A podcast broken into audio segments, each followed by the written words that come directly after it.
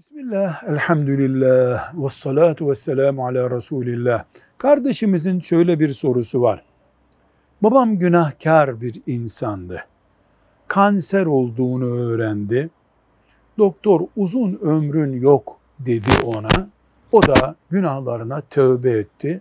Son vefat ettiğinde günahlarından kurtulmuştu ama doktor uzun yaşamazsın dedikten sonraydı bu. Babamın kanser olduğunu öğrendikten sonra tövbe etmiş olması tövbesinin kabulü açısından uygun mudur? Diyoruz ki kardeşimize. Değil kanser. Değil günahlardan tövbe etmesi bir Müslümanın. Bu noktayı bir kenara koy.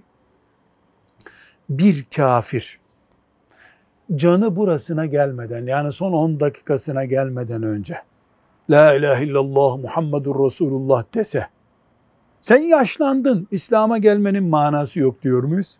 Hayır. Can boğaza gelmeden iman edenin imanı bile kabul oluyor.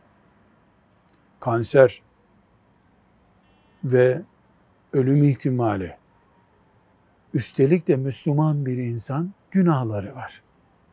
Hiçbir şekilde kanser olduğunu anlayınca tövbe etti, boşuna tövbe etti diyemeyiz. Bu yanlış.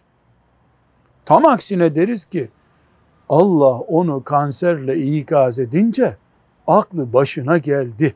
Tövbe edip gitti. Ne mutlu deriz. Velhamdülillahi Rabbil Alemin.